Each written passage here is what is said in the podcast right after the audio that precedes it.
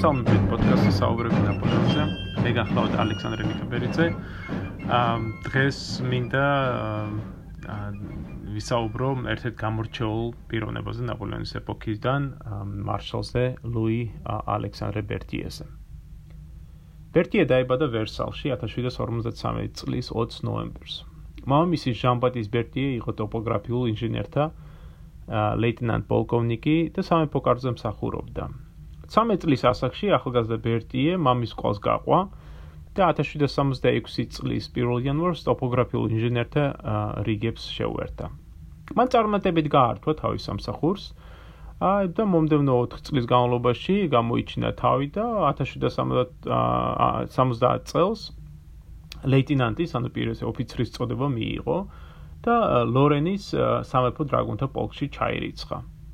1777 წელს კაპიტნობის მინიჭების შემდეგ ბერტი უკვე შეუერთდა სუასანის კვეით პოლკს და სწორედ ამ მომენტს ამ მომენტში 1780-91 წლებში მან მოხალისე ის ის მოხალისე ჩაირიცხა გენერალ როშამბოს საექსპედიციო კორპუსში რომელთანაც ერთად მან მონაწილეობა მიიღო ამერიკის დამოუკიდებლობისათვის ომში. მან თითქმის 2 წელი დაყო ამერიკაში, იბრძოლა ფილისბურგთან, იორკთაუნთან. შემდეგ კარიბეთში ხანმოკლე ყოფნის შემდეგ 1783 წელს ბერტიე დაბრუნდა სამშობლოში. ამ დროისათვის უკვე ცნობილი იყო როგორც ნიჭიერი მშრომელი და ვაშკაცი ოფიცერი. მომდევნო 6 წელი ბერტიე საფრანგეთში მსახურობდა. სამხედრო ხელოვნებას ეუფლებოდა, მივლინებული იყო ბერლინში პრუსიული სამხედრო რეფორმების შესასწავლად. ხოლო 1788 წელს მაგალითად მან მონაწილეობა მიიღო სენომერთან გამართულ დიდ სამხედრო მანევრებზე, რის გამოც დაჯილდოვდა წმინდა ლუდოვიკოს ორდენით. 1789 წელი მისთვის, ისევე როგორც მთელი საფრანგეთისათვის, საბედისწერო აღმოჩნდა. 11 ივლისს ბერტიემ ლეიტენანტ პოლკოვნიკის წოდება მიიღო და ბარონ დე ბეზენვალის პარიზის ირგვლივ განლაგებული ჯარების მხედართავრის სწორედ ამ ბეზენვალის штаბის უფროსად დაინიშნა. მაგრამ სამი დღის შემდეგ, როგორც ვიცით, ბასტილიის ციხესიმაგრე დაეცა და ბერტი აღმოჩნდა ამ არჩევნის წინაშე. დაეჭირა მხარე მხარი ამბოხებული ხალხისათვის, თუ მეფის ერთგული დარჩენილიყო. 15 ივლისს ანუ ბასტილიის დაცემიდან მეორე დღეს, ხომ? 15 ივლისს ბერტიემ გადაწყვეტილება მიიღო. მან მიატოვა სამეფო ჯარი და ახლა ჩამოყალიბებული ეროვნული გვარდიის რიგებში ჩაერიცხა. მომდენო 3 წელი ბერტიემ სწორედ ამ ეროვნული გვარდიის ქვედანყოფების შექმნაში და გაწვრთნაში გაატარა. 1792 წლის გაზაფხულზე დაიწყო პირველი კოალიციის ომი. ბერტი იყო ერთ-ერთი იმ სამეფო ოფიცრებიდან, რომელმაც საფრანგეთში დარჩენა ამჯობინეს და მიუხედავად პოლიტიკური აშლილობისა და ამ საფრთხისა, რომელიც არისტოკრატი და ძველი ჯარის ოფიცრები განიცდიდნენ, ამ საფრთხის მიუხედავად განაგძეს, განაგძო მან ქვეყნისათვის სამსახური. ბერტი თავდაპირველად ჩრდილოეთის არმიაში გაიგზავნა და გენერალ-მაიორის სპეციალური წოდება არის იყო უბრალოდ ფრანგულ ჯარში. მარშალ დე კამპ, რაც ფაქტობრივად გენერალ-მაიორის ტოლი იყო. მოკლედ ეს წოდება მიენიჭა კიდევაც მას. იმავე წლის 26 მაისს ბერტიე ჩრდილოეთის არმიის შტაბის უფროსი გახდა და გენერალ ლაფაიეტს და შემდეგ უკვე გენერალ ლუკნერს ომის დაგეგმვაში ეხმარებოდა. მაგრამ 1792 წლის აპრილი კიდევ ერთი მნიშვნელოვანი მომენტი გამოდგა ბერტიეს ცხოვრებაში. 10 აგვისტოს, როგორც ვიცით, ამბოხებულებმა ამბოხებულმა აპარიზელებმა სამეფო სასახლე აიღეს და მეფე ლუდოვიკო მე-16 გადააყენეს. ბერტიე, რომლის ოჯახს ვერსალთან ახლო კავშირები გააჩნდა, რევოლუციონერ რევოლუციურმა მთავრობამ საეჭვო პირად მიიჩნია. და გადატრიალებიდან ორი კვირის აი ორი კვირის თავზე ბერტიე სწორედ თანამდებობიდან გადააყენეს, როგორც არასანდო, ხო ეს არისტოკრატიასთან დაკავშირებულ პიროს პირი. ბერტიეს მხრიდან თავის მართლების მცდელობის და ჩრდილოეთის არმიის მხედართავრების მხარდაჭერის წერილების მიუხედავად რევოლუციურმა ხელისუფლებამ თავისი გადაწყვეტილება დაადასტურა 20 სექტემბერს. ამრიგად, აი საფრანგეთის ამ საბედისწერო მომენტში ფრანგულ ჯარს დააკლდა ბერტიეს მსგავსი გამოცდილი და ნიჭიერი ოფიცერი, რომელიც უმუშევარი იყო თითქმის 8 თვის განმავლობაში, სანამ 1793 წლის მაისში ამ რევოლუციურმა ხელისუფლებამ ნება არ დართო მას მოხალისედ ჩარიცხულიყო დასავლეთის სანაპიროების არმიაში. აი ეს დასავლეთის სანაპიროების არმია იყო განლაგებული, როგორც თვითონ სახელწოდება ცხადყოფს, დასავლეთ საფრანგეთში და მისი მოვალეობა იყო აი როალისტური ამბოხებების ჩახშობა. ვანდიას პროვინციაში ყოფნისას ბერტიე დასავლეთ სანაპიროების არმიის შტაბის უფროსიც კი გახდა, კლავ, აი როგორც ხედავთ, აი მისი ნიჭი ეს ხო ეს განსაკუთრებით ადმინისტრაციული სამსახურისადმი მიდრეკილება აა ხელს უწყობდა მას, ეს აღზევებული იყო მალევე, უკვე მესამედ ხდება ხო ეს შტაბის უფროსი. აა სხვა სხვა ქვედანაყოფში. მოკლედ კი გახდა ეს ამ ჯარის უფრო შტაბის უფროსი, მაგრამ მალე უთანხმოება მოუვიდა ამ სახალხო წარმომადგენელთან. რომელსაც რევოლუციური ხელისუფლება აგზავნიდა ჯარებში და ამ უთანხმოების შედეგად ბერტიე გაიწვიეს პარიზში, სადაც რესპუბლიკის მიმართ მისი ერთგულება კვლავ ეჭვის ქვეშ დააყენეს და თანამდებობიდან გაათავისუფლეს. მომდენო 2 წელი ბერტიეს ცხოვრებაში ყველაზე რთული გამოდგა. სამხედრო სამსახურიდან განთავისუფლებული, შემოსავლის გარეშე დარჩენილი ბერტიე წარსული ბრალდებების გამო ბევრ საეჭო პირად მიაჩნდა. რაც საფრანგეთში მძვინვარე ტერორის პირობებში მეტად საშიში ბრალდება იყო, ან საერთოდ საშიში ეჭვი იყო. მაგრამ საბედნიეროდ ბერტიე გადაურჩა ამ ტერორს, ხოლო 1794 წლის ივლისში იაკობინელთა დიქტატურა დაემხო. მომდევნო წელს ბერტიე სამხედრო სამსახურში აღადგინეს გენერალ-მაიორის წოდებაც დაუბრუნეს და ალპების და იტალიის არმიის შტაბის უფროსად დანიშნეს. უფრო მეტიც, 13 ივნისს მას დივიზიის გენერალის წოდება, ხოლო 8 ოქტომბერს ახლად შექმნილი ალპების არმიის შტაბის უფროსობა უბოძეს. აი სწორედ ამ თანამდებობაზე ბერტიემ ნახევარი წელი იმსახურა, სანამ 1796 წლის გაზაფხულზე იტალიის არმიის ახლად დანიშნულმა მხედართმთავარმა გენერალმა ნაპოლეონ ბონაპარტმა თავისთან არიხმა. აი ესე დაიწყო ამ ორი ადამიანის მრავალწლიანი თანამშრომლობა. მართალია ბერტი არ გამორჩეოდა არ გამორჩეოდა მხედარ თავრული ნიჭით, მაგრამ ის იყო უბადლო ადმინისტრატორი და შტაბის ხელმძღვანელი. რომელსაც წინვალე წესმოდა ნაპოლეონის თვალსაზრისი და შეეძლო მის მიერ გამოთმული იდეები მოწესრიგებულ სამხედრო ბრძანებებად ექცია. ბერტიეს თანამდგომისა და თავდადებული სამსახურის გარეშე ვინიცის როგორ წარმატებას მიაღწევდა ნაპოლეონი? 1794 წლის აპრილიდან მოყოლებული 18 წლის განმავლობაში ნაპოლეონი და ბერტიე განუყრელები იქნებიან და ერთად შეძლებენ ევროპის დაპყრობას. მართალია მატასახში საკმაოდ დიდი გასხვავება იყო ბერტიე ნაპოლეონზე 16 წლით უფროსი იყო მაგრამ ბერტიე საოცრად გონივრული და ფიზიკური აი ძალის პატრონი იყო როდესაც დიდი არმიის მომარაგების სისტემის უფროსი პიერ ანტუან დარიუ შეაქეს მისი საოცარი განძლეობის თაობაზე, ხო? ამ დარიუმ აღნიშნა, რომ მას შეეძლო ერთი კვირა ერთ კვირაზე მეტი ხანი დაუძინებლად ემუშავა, მაგრამ იქვე დასძინა დარიუმ, რომ ის ვერასოდეს შეედრებოდა ბერტიეს, რომელმაც ერთი კამპანიის დროს 13 დღეღამის განმავლობაში მუშაობდა შეუსვენებლათო. ნაპოლეონის გაცნობა საბედისწერო გამოდგა ბერტიესათვის. მართალია ბერტიე ძლიერი ხასიათის პიროვნება იყო, მაგრამ ნაპოლეონთან ყოფნისას ის თითქოს და აი ტრანსფორმაციას განიცდიდა. თამამედროვები აღნიშნავდნენ, რომ ბერტიე თითქოს ნაპოლეონის პიროვნების ნაწილი ხდებოდა და უყოყმანოდ ემსახურებოდა მას, აი მის სურვილებს ასრულებდა. მართლაც გასაოცარია, რომ 26 წლის ნაპოლეონმა შეძლო ყოველი ამის წინასწარ განსჭრეთვა. იტალიის არმიაში ჩასულს მას ხომ შეძლო ნებისმიერი ოფიცერი აეყვანა შტაბის უფროსად. მაგრამ მან არჩევანი გააკეთა სწორედ ბერტიეზე, რომელიც სხვა ჯარში მსახურობდა და რომლის გადმოსაყვანად ნაპოლეონს მოუწია დირექტორიისადმი წერილების მიწერა. ერთ-ერთ ასე წერილში ნაპოლეონი აღნიშნავს, რომ ეს ციტატაა ბერტიეს გააჩნია ნიჭი, შემართება, ვაშკაცობა და ხასიათის სიმტკიცე და ყოველივე ეს დადებითად აისახება მასზეო. მომდენო 18 წლის განმავლობაში ბერტიე ერთგულად ემსახურა ნაპოლეონს. იგი მუდამ მეორე პლანზე იყო. აი სწორედ აი ეს აი ეს მომენტი, როდესაც შენ გააქვს ეს შესაძლებლობა იყო მეორე პლანზე, ხედავდე შენ თავდავზოგავი მუშაობის თელი დიდება როგორ მიეწერება სხვას და მაინც დარჩე ამ პიროვნების კმაყოფილი ერთგული და უყოყმანოდ აგრძელებდა მის და მის სამსახურს, ყოველივე ეს მეტყველებს ბერტიეს მართლაც რომ გამორჩეულ ხასიათზე.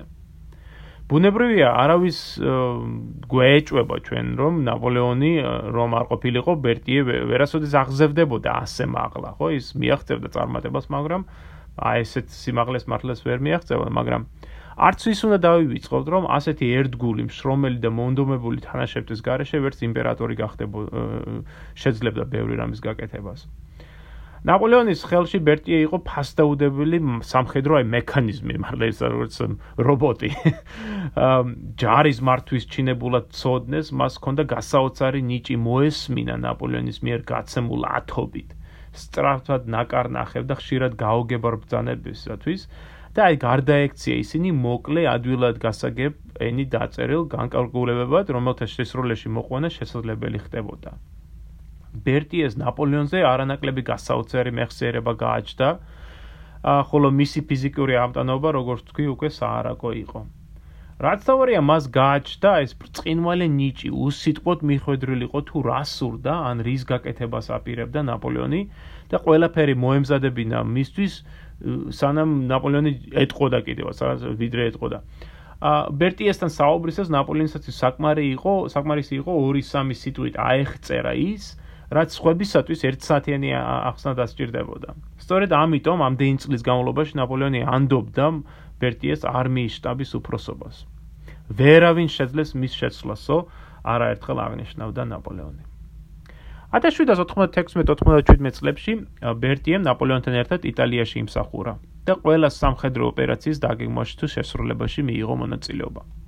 სწორედ ამ პერიოდში გამოავლინა მან თავი არა მარტო როგორც უბადლო სამხედრო ადმინისტრატორმა, არამედ როგორც ვაშკაცმა და გამბედავმა ოფიცერმა. 96 წლის მაისში ლოდისთან ბრძოლისას ის მოწინავე ხაში იბრძოდა და ერთ-ერთი პირველი იყო, ვინც ხიდზე გადასვლა შეძლო. 97 წლის იანვარში რივოლისთან ბრძოლის დროს ბერტიე უკვე შტაბის უფროსობასთან ერთად ჯარის ცენტრს მეთაურობდა და მნიშვნელოვანი წვლილი შეიტანა ფრანგების გამარჯვებაში. 97 წლის 9 დეკემბერს უკვე აი პირველი კოალიციის ომის დასრულების შემდეგ აი დეკემბერში ნაპოლეონის საფრანგეთში რო გაემგზავრა. აი სწორედ მისი რჩევით რეკომენდაციით ბერტიე დაინიშნა იტალიის არმიის მთავარ სარდლად. და მომდევნო წლის ადრეულ გაზაფხულზე სწორედ ბერტიემ შეძლო აი ფრანგული ხელისუფლების კონსოლიდაცია იტალიაში. მათ შორის სწორედ ბერტიემ დაიკავა რომის ხო სახელმწიფო პაპის სახელმწიფო და აი აი მათ შორის რომი. სწორედ ბერტიეს მეშვეობით შეძლო ნაპოლეონმა ეგვიპტეში ლაშქრობისათვის საჭირო თანხების მოპოვება იტალიაში. მათ შორის იყო აი რომიდან ამოღებული მრავალმილიონიანი კონტრიბუცია. ფულის საკითხის მოგვარების შემდეგ ნაპოლეონმა გაიწვია, აი ეს ხო დირექტორის მეშვეობით, მან გაიწვია ბერტიე იტალიიდან და დაანიშნა ის აღმოსავლეთის არმიის შტაბის უფროსად. და 98 წლის მაისში ორთავემ ნაპოლეონ ბერტიემ ეგვიპტის სანაპიროებისაკენ გასწორეს. ა მომდენო წელიწად ნახევრის განმავლობაში ბერტიე სწორედ ნაპოლეონთან ერთად ეგვიპტეში და აი პალესტინაში იბრძოდა და თავდაუზოგავად შრომობდა. 99 წლის აგვისტოში ბერტია იყო იმ ოფიცრებს შორის, რომლებიც ნაპოლეონმა შეარჩია ეგვიპტიდან და საფრანგეთში დასაბრუნებლად. საფრანგეთში დაბრუნებულმა ბერტიემ ხარი დაუჭირა ნაპოლეონს 18 ბრუმერის გადატრიალების მოწყობაში და გადატრიალებიდან მეორე დღეს 11 ნოემბერს უკვე ომის მინისტრად გვევლინება. ამ თანამდებობაზე მან თავდაპირველად მხოლოდ რამოდენიმე თვე იმსახურა. მაგრამ დიდი როლი ითამაშა მეორე კოალიციის ომის დასრულებაში, ვინაიდან აი საფრანგეთი ხო ჯერ კიდევ აგრძელებდა ომს ავსტრიასთან, ჩვენ როგორც ნახეთ წინა ერთ-ერთ პოდკასტში. აა გაზაფხულზე 1800 წლის გაზაფხულზე ნაპოლეონი იტალიაში შეჭრას და ავსტრიელთა დამარცხებას გეგმავდა და ამ გეგმის მიხედვით ბერტიეს მნიშვნელოვანი მისია დაეკისრა. ის დიჟონთან განლაგებულ სარეზერვო არმიაში იქნა დანიშნული მთავარსარდლად რადგან ნაპოლეონს როგორც პირველ კონსულს ეკრძალებოდა ჯარის მეთაურობა. ამრიგად ხო გამოვიდა ისე რომ აი ბერტია იყო ამ სარეზერვო არმიის მხედართავარი, მაგრამ 19 აპრილს ნაპოლეონი ჩავიდა ამ ჯარის მოსანახულებლად და დარჩა. და ფაქტობრივად ჯარი როცა ალპებისგან დაიძრა, ოფიციალურად ის ბერტიეს მეთაურობის ქვეშ იყო, მაგრამ რეალურად ბუნებრივია ნაპოლეონი მხედართავრობდა. მაგრამ ისიც უნდა აღნიშნოთ, რომ აი სენბერნარის უღელტეხილის აი სახელგანთმული გადაკვეთა, ხო, ნაპოლეონი ცხემზე ამხედრებული და ამბები. ამ სწორედ ეს იდეა ამ ამ სენბერნარის გადაკვეთის სხვა შორის ეკუთვნის ბერტიეს და მას ეს იდეა ჯერ კიდევ 95 წელს ქონდა შემუშავებული. ა როგორც ვიცით, სენბერნარის უღელტეხილის გადაკვეთა დიდი წარმატებით ჩაიარა და 1800 წლის 14 ივნისს ფრანგებმა ავსტრიელები დაამარცხეს მარენგოსთან ბრძოლაში, სადაც სხვა შორის ბერტიე დაიჭრა. გამოჯართელების შემდეგ პიემონტში დროებით მივლინებაში იყო გაგზავნილი ბერტიე და შემდეგ პარიზში რო დაბრუნდა, ის ხელახლა დაინიშნა ომის ministrად. და აი უკვე მეორე დანიშნიდან ეს 1800 წლის 8 ოქტომბრიდან მან 7 წლის განმავლობაში იმსახურა ამ თანამდებობაზე. ეს მეტად დაძაბული წლები გამოდგა. სწორედ ამ პერიოდში მოახდინა ნაპოლეონმა სამხედრო რეფორმები, შედლო დიდი არმიის ჩამოყალიბება. სწორედ ამ პერიოდში გაიგზავნა სამხედრო ექსპედიციები სხვადასხვა მხარეს, მათ შორის კარიბეთში, ხოლო 1803 წლის გაზაფხულზე ახალი სიმძაფრით იფეთქა ბრიტანეთის წინააღმდეგ ომმა.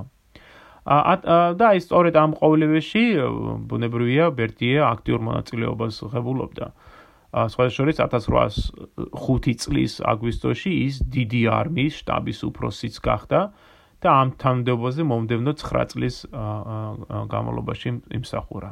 როგორც штаბის უფროსი და ნაპოლეონის ნების შემსრულებელი, ბერტი უბადლო იყო თავისი შრომის უნარიანობით, ხო, თავისი განსაცვიფრებელი მეხსიერებით და აი სიზუსტით. სწორედ მან შექმნა, ანუ სწორედ აქტიური როლი მიიღო, სწორედ შექმნაში იმ დროისათვის ყველაზე მოქნილი და ეფექტური საშტაბო სისტემისა, რომელიც ბრწყინვალედ მოქმედებდა მრავალი წლის განმავლობაში. ბერტიას ნაყოფიერმა მუშაობამ გამოიღო შედეგები და მადლიერმა ნაპოლეონმა ჯერ უნდა დაასაჩუქრა იგი. 1804 წლის მაისში ბერტიეს მარშლის წოდება მიენიჭა. აა შემდეგ ის დაინიშნა სენატორად და იმპერატორის ბაზიერტულ ხუცესად. ნაპოლეონის კორონაციის დროს სწორედ ბერტიეს ეკავა იმპერატორის ძალაუფლების სიმბოლო ბირთვი. მაგრამ ისიც უნდა აღნიშნოთ, რომ ასეთ პასუხისგებლო თანამდებობაზე ყოფნის და აი ნაპოლეონის უშუალო ზედამხედველობის ქვეშ მუშაობის შედეგად ა ბერტიერ ნენელა ჩამოშორდა თავის სამეგობრო წრეს და აი თანდათანობით ცოტა ვთქვა აი მარტო სულ პიროვნებად იქცა. ბერტიემ თავისი მოვალეობები აი მეგობრობაზე და ახლობლობაზე უფრო მაღლა დააყენა და მალე გაითქვა სახელი, იმით რომ ამ ყველა ქვეშევრდომისგან იმპერიის პრინცი იქნებოდა ეს, მარშალი, გენერალი თუ უბრალო ოფიცერი, აი ყველასგან ერთნაირად მოითხოვდა ბრძანებების ზედმიწევნით შესრულებას და არერიდებოდა აი ამ პიროვნებების მიუხედავად იმისა თუ რა თანამდებობა ეკავათ მათ, აი ამ პიროვნებების მკაცრ გაკეცხვას, რისი არაერთი მაგალითი გვაქვს. აი ჯარში იმდენად დიდი იყო ბერტიეს რიდი რომ თვით მიურატი, ნეილანი, ხო ეს მართლაც ცეცხლოვანი ხასიათის პიროვნებები, აი მართლაც ერიდებოდნენ მასთან კამაც. 1805 წლიდან მოყოლებული ბერტიემ ნაპოლეონის ყველა კამპანიის დაგეგმვასა და შესრულებაში მიიღო მონაწილეობა. 1805-6 წლების ტრიუმფებზე ჩვენ უკვე ვისაუბრეთ. აი ცალკე ეპიზოდებში და ამ გამარჯვებებში ბერტიეს საკმაოდ დიდი წვლილი მიუძღვის. ბერტიეს თავდადებული სამსახურის აღსანიშნავად ნაპოლეონმა მას წლების მანძილზე მრავალი ჯილდო და წოდება მიანიჭა. 1806 წელს მაგალითად ბერტიე გახდა ნევშატელისა და ვალენგინის სუვერენული პრინცი. ხოლო შემდეგში დაინიშნა იმპერიის ვიცე-კონსტებლად. იმპერატორის ხო იმპერატორის შვეიცარიული დაცვის ესე გენერალ პოლკოვნიკად. და შემდეგ უკვე საიმპერატორო აი ეს სპეროს ამ ბირთვის მეურვედ. მაგრამ აქვე უნდა აღნიშნოთ ისიც რომ 1809 წელს ბერტიემ თავისი სუსტი მხარეც გამოავლინა. აა სწორედ ამ ამ წლის 1809 წლის გაზაფხულზე ნაპოლეონი ესპანეთში იბრძოდა და ავსტრიელებმა ამ გარამოებით გამოიყენეს და საფრანგეთის წინააღმდეგ ომის წამოწყება გადაწყვიტეს. ნაპოლეონმა თავდაპირველად ბერტიე გაგზავნა ავსტრიის საზღვრებთან ფრანგული ჯარის მოსაწესრიგებლად, მაგრამ აი ბერტიეს დამოუკიდებლად ჯარის მეთაურობის უნარი თურმე არ არ გააჩნდა. და აი ამას ჩვენ ხედავთ აქ ძალიან კაფიოდ ის ბერტიამ იმდენად არივდარია ფრანგების და განლაგება რომ ნაპოლეონის დროული ჩარევა რომ არა ფრანგული ჯარი მძიმე მარს იწნევდა კიდევაც მაგრამ ნაპოლეონი დროზე ჩავიდა აპრილში, ხო, 1809 წლის აპრილში დროზე ჩავიდა ჯარში, შეძლო ამ შეცდომების შესწორება გამოსწორება და აი შემდგომი კამპანიის დროს უკვე ბერტიემ ძალიან დიდი როლი ითამაშა ფრანგების გამარჯვებებში. და სწორედ ამიტომ არის რომ აი წინა შეცდომების მიუხედავად ნაპოლეონმა ჯერ უნდა დაუფასა ბერტიეს ეს ამაგი. აი განსაკუთრებით 1809 წლის ივნის-ივლისში ვაგრამის ოპერაციის დროს გაწეული ამაგი. და ამიტომ ომის დასრულების შემდეგ ბერტიეს ერგო ვაგრამის პრინცის ტიტული. 1810 წელს კი ბერტიეს საპატიო მისიაც დაევალა ის ნაპოლეონისათვის ავსტრიელთა იმპერატორის ქალიშვილის მარია ლუიზას ხელისათხოვნელად წავიდა ვენაში. 1812-14 წლებში ბერტიე კვლავ ერთგულად ემსახურებოდა ნაპოლეონს რუსეთში, გერმანიაში, საფრანგეთში, ყველგან წარმოებულ კამპანიებში. რუსეთში ლაშქრობა განსაკუთრებით ძიმე გამოდგა, როგორც ვიცით, და ეს ბერტიესათვის განსაკუთრებით. ომამდე ის ურჩევდა ნაპოლეონს არ გაემწვავებინა ურთიერთობები რუსეთთან და ლაშქრობის წინაამდე გამოდიოდა, რის გამოც იმპერატორთან აი ცირე უთანხმოებებიც მოუვიდა. თვით ლაშქრობის დროს კი ბერტი აღმოჩნდა ესეთ გაცდარ იყოს გაუსაზლის გომარეობაში ის დღედაღამ მუშაობდა რათა ეს ნახევარ მილიონიანი ჯარი საბრძოლო მზადყოფნა შეინარჩუნებინა და მოეხდინა ეს სხვა ქვედანაყოფების მოქმედებების კოორდინაცია. ა ბუნებრივია ამ რთულ პირობებში მას არაერთი უთანხმოება მოვიდა მარშლებთან რომელთაც დიდად არეპრიანებოდა და ეს ბერტიეს მკაცრი მოთხოვნები. ამავე დროს ნაპოლეონიც ნაპოლეონის თვალშიც ჯარის ყველა წარუმატებლობა სწორედ აი შტაბის და კერძოდ ბერტიეს ბრალი იყო რის გამოც ბერტი არაერთხელ წარეთ და უნდა ვთქვა დაუმსახურებლად გაუკიცხავს კიდევაც. ა ერთ-ერთ მომენტ ერთხელ ნაპოლეონმა განაცხადა ეს არაფრად აღარ ვარ გიხარო უთხრა ბერტიეს უფრო მეტიც ხელს მიშლი ყველაფერშია. იმპერატორსა და შტაბის უფროს შორის აი ეს ურთიერთობა იმდენად გამწვავდა რა აი მოსკოვთან მიახლოებისას 1812 წლის ხო ადრეულ შემოდგომაზე ისინი არც კი სადილობდნენ ერთენ როგორც ეს ადრე წესად და რიგად ჰქონდათ მაგრამ აღსანიშნავი ისიც რომ აი მოსკოვიდან უკან დახევისას მათ შეძლეს ამ უთანხმოების ჩამოტოვება და აი ეს უწინდელი ურთიერთობის აღდგენა. როდესაც ნაპოლეონმა დატოვა ჯარი 1812 წლის დეკემბერში და საფრანგეთში დაბრუნდა, მან დაავალა მიურაც და ბერტიეს რუსეთში გადარჩენილი ჯარის ნარჩენების მოგროვება და მოწყობა. და ეს 60 წლის ბერტიე, რომელსაც ხელის თითები და ცხვირი მოეყინა ამ ციმცივ ზამთარს ხო რუსეთში, თავდაუზოგავად შრომობდა ჯარის გადასარჩენად, მით უმეტეს რომ მიურატმა დაკრა ფეხი და ნეაპოლში გაიქცა საკუთარი სამეფო ტახტის გადასარჩენად. პარიზში დაბრუნება ბერტიემ 1813 წლის თებერვლის შუა რიცხვებში მოახერხა. დააღლილს დაკანცულს მას მხოლოდ ორიოდე კვირის დასვენების საშუალება მიეცა, ვიდრე ნაპოლეონმა ახალი კამპანია წამოიწყო. ბერტიე თან ახდა ნაპოლეონს ლუცენთან, ბაუცენთან, დრეზდენთან და ლეიპციგთან ბრძოლებში. შემდეგ ახდა საფრანგეთში უკვე ბრძოლების დროს. 1814 წლის იანვარში ბრიენთან ბრძოლის დროს ბერტიე მოწინავე ხაზში აღმოჩნდა და დაიჭრა კიდევაც. მაგრამ დადგა დრო, როდესაც ბერტიე საფრანგეთის დამარცხების წარე რეალობას უნდა შეგუებოდა. აპრილის დასაწყისში ნაპოლეონმა რომ ხელი მოაწერა ფონტენბლოს სასახლეში გადადგომის აქტს, ბერტიემ ითხოვა ნებართვა წასულიყო პარიში და დაპირდა იმპერატორს რომ მეორე დღესვე დაბრუნდებოდა. ნაპოლეონი დათანხმდა, მაგრამ როგორც კი ბერტიე ოთახიდან გავიდა, იმპერატორმა ხმამაღლა ჩაილაპარაკა. ის აღარ დაბრუნდებაო. ნაპოლეონი მართალი აღმოჩნდა. ეს მათი უკანასკნელი შეხვედრა იყო. ასაკის და ჯანმრთელობის გამო ბერტიემ უარი განაცხადა ნაპოლეონთან ერთად კუნძულ ელბაზე წასვლაზე და თავდაპირველად კერძო ცხოვრებას დაუბრუნდა. მაგრამ მალე მისი მეუღლის დაჟენებული რჩევის შედეგად ის მეუღლე უკიჟინებდა რომ აი ოჯახზე უნდა იზრუნო ხო რომ არ გაამწოვო ურთიერთობა აი ბურბონებთან რომ მათ არ ჩამოართვანეს წოდებები და ეს ქონება და ამიტომ მოკლედ ამ რჩევების შედეგად ბერტიემ გადაწყვიტა ბურბონთა დინასტიის სამსახურში ჩამდგარიყო. მეფე ლუი ლუდოვიკო მე-18 მას საფრანგეთის პერობა უბოძა და აი სამეფო გვარდიის მეხუთე ასეულის კაპიტნობაც მისცა. 1815 წლის მარტში ნაპოლეონი კუნძულ ელბიდან გამოიქცა და საფრანგეთში დაბრუნდა. მან თავის ყოფილ გენერალებსა და მარშლებს მოუწოდა დაბრუნებულიყვნენ იმპერიის სამსახურში. ბევრი მათგანი გამოეხმაურა კიდევაც ამ მოწოდებას, მაგრამ მეტი ბერტიე ყოყმანობდა არჩევანზე. დარჩენილი იყო კი მეფის ერთგული თუ თავისი ყოფილი პატრონისათვის დაეჭირა მხარი. ამ დროისათვის ბერტიე უკვე 62 წლისაა. აქედან უკანასკნელი 23 წელი მან თითქმის განუწყვეტლივ ბრძოლაში გაატარა. ბუნებრივია, ამ რუსეთში განცდილი ფსიქოლოგიური წნეხის ხო რომ არაფერი თქვან ფიზიკურ და და სხვანაირ ზეწოლაზე. აი მე შემდეგ მართლა ბერტიას ომისგან დააღლილს შვიდობა სურდა. და მას ჯეროდა რომ ნაპოლეონის საფრანგეთის ტახტზე დარჩენა მხოლოდ ახალი ომების მომასწავებელი იყო. ამიტომ საბოლოოდ მან მეფის ერთგულება არჩია და ლუდოვიკო მე-18-სთან შესახვედრად გაემგზავრა ქალაქ გენჩი. მაგრამ ბერტიეს გადაწყვეტილება გვიანი აღმოჩნდა მეფე და მისი კარისკაცები უკვე ეჭვის თვალით უყურებდნენ ბერტიეს, რომელიც ამდენი წლის განმავლობაში ერთგულად ემსახურებოდა ხო კორსიკელ მტარვალს. და ეხლა მეფესთან გამოცხადება მხოლოდ მერყეობის შემდეგ გადაწყვიტა.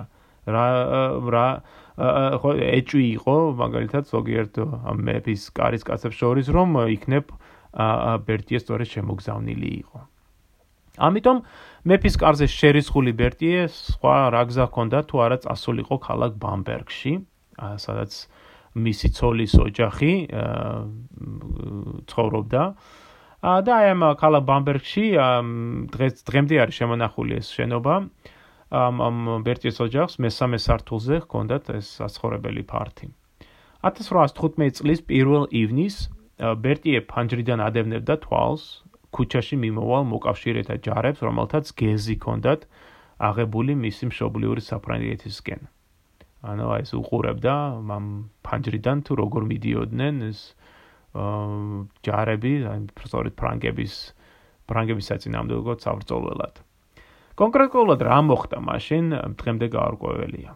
ოფიციალური ვერსიის მიხედვით ქუჩაში მიმდინარე მოვლენების უკეთ დასანახავად ბერტიემ ფანჯარასთან სკამი დადგა და ზეც შედგა, მაგრამ აი ამ მომენტში წონასწორობა ვერ შეიკავა და ქუჩაში გადმოვარდა დავარდა სწორედ ქუჩაში და დაეხეთქო პროფესორი თავი და გარდაიცვალა. მაგრამ თანამედროვეები იმასაც გაიძახოდნენ, რომ უკანასკნელმა მოვლენებმა იმდენად დათრგუნა ბერტიე, რომ სიცოცხლეზე ხელის აღება გადააწყვეტინა, რომ ის განზრახ გადახდა გადფანჯრიდან. ზოგიერთი თანამედროვე მათ შორის ისეთი კარგად ინფორმირებული პირები, როგორებიც იყვნენ პოლიციის მინისტრები ფუშე, დეკაზი, ასევე მარშალ მიურატის ადიუტანტი პოლკოვნიკი ფრანსუა მასერონი, ასეთორე ეს ზოგიერთ თანამედროვე აცხადებს რომ ბერტიე არც მას არც თავი მოუკლავს და არც შემთხვევით გადმოვარდნილა არამედ რომ ბერტიე მოკლეს. რომ ამ ბამბერგში იყო ჩასული როიალისტების რამდენიმე პატარა ჯგუფი და რომ მათ აი სწორედ გადმოაგდეს მარშალი ფანჯრიდან მაგრამ სამწუხაროდ ჩვენ ზუსტ დამადასტურებელი საფუთები ამ ჯერჯერობით არ გაგვაჩნია. ბერტიეს გადაწყვეტილებამ დარჩენილიყო მეფის ერთგული დიდი ზეგავლენა იქონია ნაპოლეონის უკანასკნელ კამპანიაზე. ბერტიეს შემცვლელად იმპერატორმა მარშალი სულტი დანიშნა. სულტი კი იყო კარგი ხედართავარი, საკმაოდ ნიჭიერი, მაგრამ როგორც შტაბის უფროსი ის მეტად სუსტი გამოდგა. მან ვერც შტაბის მოწესრიგება მოახერხა და ვერც ნაპოლეონის ბრძანებების ფერტისეულად, აი ეს ხარტად, ეფექტურად, ნათლად ჩამოყალიბება და გაგზავნა შეძლო. რამაც ვატერლოსთან დამარცხებაში წილი ხო შეიტანა. ბერტიე რო ყოფილიყო ჩემს გვერდით, ეს უბედურება არ შემემთხვეოდაო. შემდგომში აღნიშნა და ნაპოლეონი ვატერლოზე საუბრისას. თანამედროვეები ბერტიეს აღწერენ როგორც საშუალო სიმაღლის, მკრივი აღნაგობის, ტანთან შედარებით არაპროპორციულად დიდი თავის მქონე ადამიანს. მას ჰქონდა იუმორის კარგი გრძნობა, საოცრად უყვარდა ნადირობა, кейფი, დროსტარება. როცა ჰქონდა ამის საშუალება, რა თქმა უნდა, ნაპოლეონის გადამკიდეს. იყო განუზომელი დიდი ენერგიის პატრონი. ნაპოლეონს და ბერტიეს გამორჩეული ურთიერთობა აკავშირებდათ. თითოეულს მკაფიოდ განსაზღვრული როლი ეკავა. შეიძლება ითქვას, რომ ნაპოლეონი იყო ეს ბატონი, ხო, ეს დომინანტი და ბერტიე იყო ეს ქვეშევრდომი, რომელსაც ბრწყინვალედ ესმოდა ბატონის ყველა სურვილი და სიტყვა. ბერტიეს არასოდეს უცდია ნაპოლეონისაც ისე მართლა ის სიტყვის შებრუნება, თუმცა ამ სამისოდ უამრავი სამბაბი ჰქონდა. მაგალითად, ერთხელ ნადირობისას ნაპოლეონის მიერ გასრულმა ტყვიამ მარშალ მასანას ცალი თვალი დააბრმავა. ეს შემთხვევა ნაპოლეონმა დააბრალა ბერტიას, რომელსაც ბუნებრივია მასანას რისკვა არაცდენია. ან თუნდაც ერთხელ ბერტიეზე გაწმილებულმა იმპერატორმა ჩავლო ხელია ბერტიეს ქეჩოში და სულ კედელზე არტყმევინა თავი.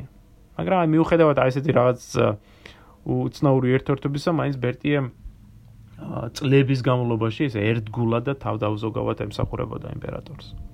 ბერტიე შეუდარებელი და შეუცვლელი იყო შტაბის მუშაობაში და მისში მიერ ჩამოყალიბებულ შტაბს, ხო, ეტა-მაჟორ, როგორც ფრანგები უწოდებდნენ მას, ნაპოლეონის გამარჯვებების სამჭედლოსაც უწოდებენ.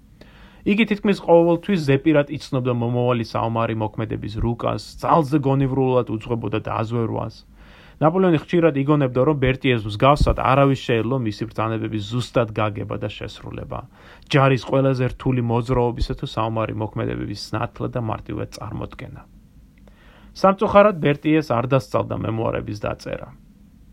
ვერც პირადი ბედნიერების სრულად ასრულება შეძლო მან. 1797 წლიდან მოყოლებული მას უზომოდ უყვარდა თავად ვისკონტის ცოლი. ასეთი რამ არასოდეს მინახავსო. იხსენებდა შემდგომში ნაპოლეონი. ეგვიპტეში რომ ვიყავითო, ბერტიე იმ დროს შეყურებდა მთვარეს, როდესაც მისი აზრით მადამ ვისკონტი ახედავდა ცას იტალიიდანო. შუა გულ უდაბნოში ბერტიეს ცალკე კარავი, ბერტიემ ცალკე კარავი დადგა ამ ქალისთვის და შიგ ნამდვილი სალოცავი აღმართაო. კარავში იყო მადამ ვისკონტის პორტრეტი და მის ირგვლივ სანთლები ენთო მუდამო. მხოლოდ ამ კარავის გადასატანად სამი სამი ჯორი სჭირდებოდა.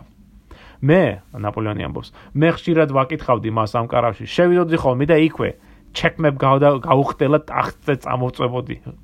ბერტი ბერტიე ცოფდებოდა ამ ზანახვანზე, ვინაიდან ყოველივე ეს მისი სალოცავი შეურაცხყოფად მიიჩნევდა. ის მუდამ ამ ხალზე სამესაუბრებოდა და ჯარიდან წასვლა და საფრანგეთში დაბრუნებას კი უნდოდა. მე დავრთენება და გემზე ადგილიც გამოუყავი, მაგრამ ბერტიე მალე ატირებული დაბრუნდა და ჩემთან დარჩენა არჩიაო. მართალია, მადამ ვისკონტი იზიარებდა ბერტიეს გრძნობებს, მაგრამ ნაპოლეონი აკატეგორიულად ეწინააღმდეგებოდა მათ ურთიერთობას. ამის მიუხედავად, მეტიე მაინც აგძელებდა მადამ ვისკონტისთან აი საიდუმლო სერობას, ასე რომ ვთქვათ. და იმედოვნებდა, რომ ვისკონტის თავადის სიკვდილის შემთხვევაში ის შეძლებდა მის კრუვზე დაქორწინებას. წლები კი გადიოდა.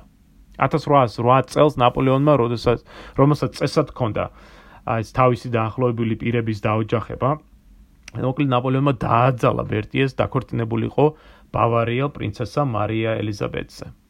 თავდაპირველად ვერტიე უარს იყო. მადამ ვისკონტი მიყვარსო. მაგრამ ნაპოლეონმა დააძალა და ეს საბოლოოდ ვერაფერს გახდა იმპერატორის ნების საწინააღმდეგოდ. ყველაზე გულსატკენი კი ის არის, რომ ბერტიეს ქორწინებიდან სულ მხოლოდ რამდენიმე კვირაში ბებერმა თავადმა ვისკონტიმ სული განუტევა და მედამ მადამ ვისკონტი უკვე თავისუფალი აღმოჩნდა. ნაპოლეონმა მткиცე უარი განუცხადა ბერტიეს ცოლთან გაშორებაზე. მაგრამ ყველაზე გასაკვირველი ის არის, რომ ბერტიეს მეუღლე მეტად დამთმობიდან გამგები ქალი აღმოჩნდა. და ბერტიემ სხვაშორის შეძლო ეს მენაჟატყვა, ხო? აა შეექმნა. ამ ცოლს არ დაუშლია ბერტიესათვის მადამ ვისკონტისთან ფარული ერთ-ერთობის გაგრძელება და სხვაშორის აა ერთ პერიოდში სამივე ერთად ახლო-მახლო ცხოვრობდნენ და ეს გარკვეულწილად იდილიური ეს მომენტი ჰქონდა ბერტიეს. ცოლკმარს ბერტიებს მალე შეეძინა ჩვილები, თავდერთვირად ბიჭი, ნაპოლეონ ალექსანდრე, რომელიც 1810 წელს დაიბადა, შემდეგ კი ორი ქალიშვილი, კაროლინა ჟოზეფინა და მარია ანა. და სწორედ აი მათი შთამომავლობა დღემდე ცხოვრობს საფრანგეთში და ატარებს ვაგრამ პრინცის წოდებას.